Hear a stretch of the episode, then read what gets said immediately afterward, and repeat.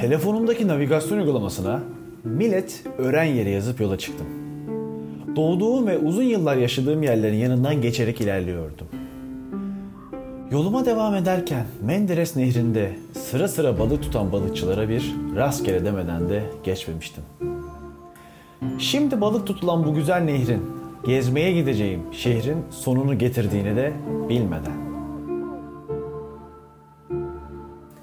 Akılcı düşüncenin, geometrinin, astronominin ve felsefenin ilk kez ortaya çıktığı topraklardayız.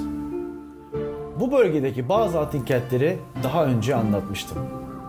Ve daha fazlasını da anlatmaya devam edeceğim. Bu anlatılarında bulunan kentlerin hepsinin başkenti gibi düşünebiliriz Miletos'u. Evet bu arada sizlere bu podcastimde Miletos'tan bahsedeceğim. Bölgenin en büyük şehri olmakla birlikte denize yakınlığından dolayı en zengin de kentiydi.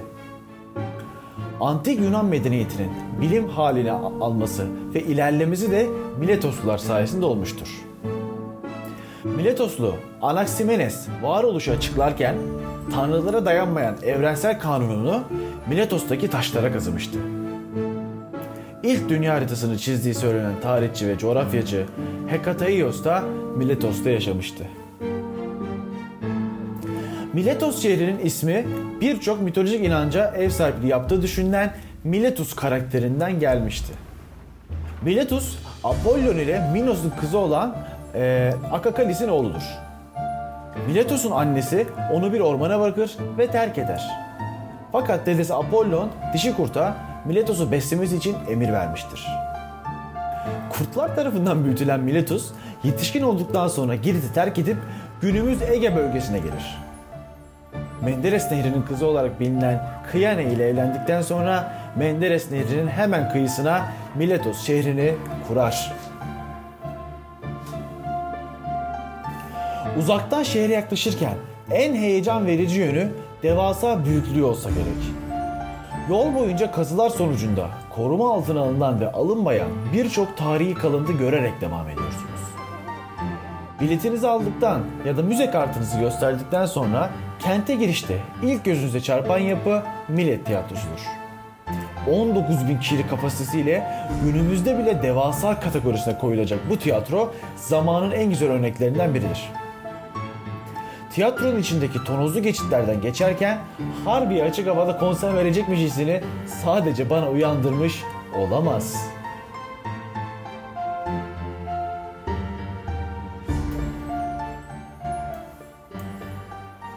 Tiyatrodaki geçitlerden ilerlerken gizemli geçitler olduğunu görüyorsunuz.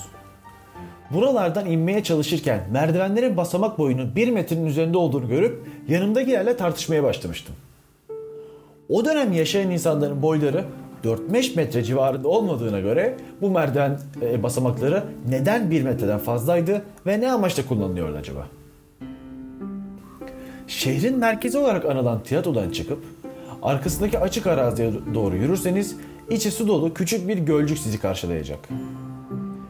Peki burası eski Miletos limanı desem inanır mısınız? Menderes Nehri alüvyonlar ile şehrin önünü kapatmadan önce evet burası Ege bölgesindeki en önemli liman olan namı değer Athena Limanı diye anılan Miletos Limanı'nın ta kendisiydi. Etrafta kimseler yokken su birikintisi düşmeden yürümeye çalışmak çocuklar gibi eğlenmemi sağlarken buradan baktığımda artık görünmeyen denizin bir zamanlar burada olduğunun da kanıtıydı.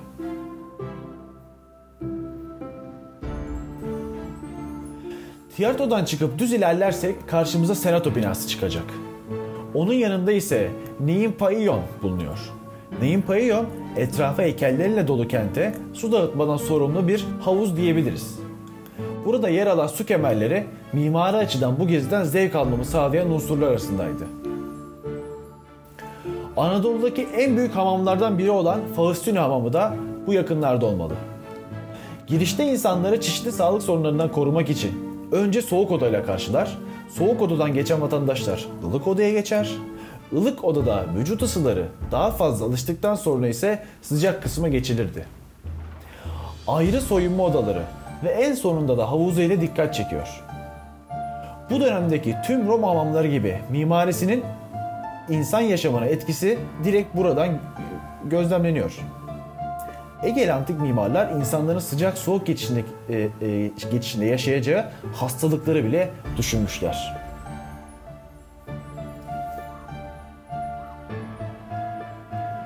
Meclis binası olarak da düşünebileceğimiz Baola Terionu 1500 kişilikti. Buradan da şehrin nüfusunu göz önüne alırsak şehrin önemli birçok kararının birlikte alındığını çıkarabiliriz. En önemli dini merkezi ise Delfinon'dur. Miletosların tanrısı, denizcilerin ve gemicilerin e, koruyucusu adı Delfis olan bir balıktı. En önemli varlığı denizler olan bu şehrin denizdeki balıklara tapmasından daha doğal bir şey de aklımıza gelmeyecek elbette. Felsefe, astronomi, geometri gibi temel bilimlere çıktığı bu kent, günümüz bilimine faydası olan birçok fikre ve insana ev sahipliği yapmıştır. İşte tam olarak bu yüzden Miletos'a dünyanın kaderini değiştiren kent diyebiliriz. Podcast ile ilgili görüş, öneri ve yorumlarınız için Instagram brkkragile 95 hesabından bana ulaşabilirsiniz. Bir sonraki bölümde görüşmek üzere, sağlıcakla.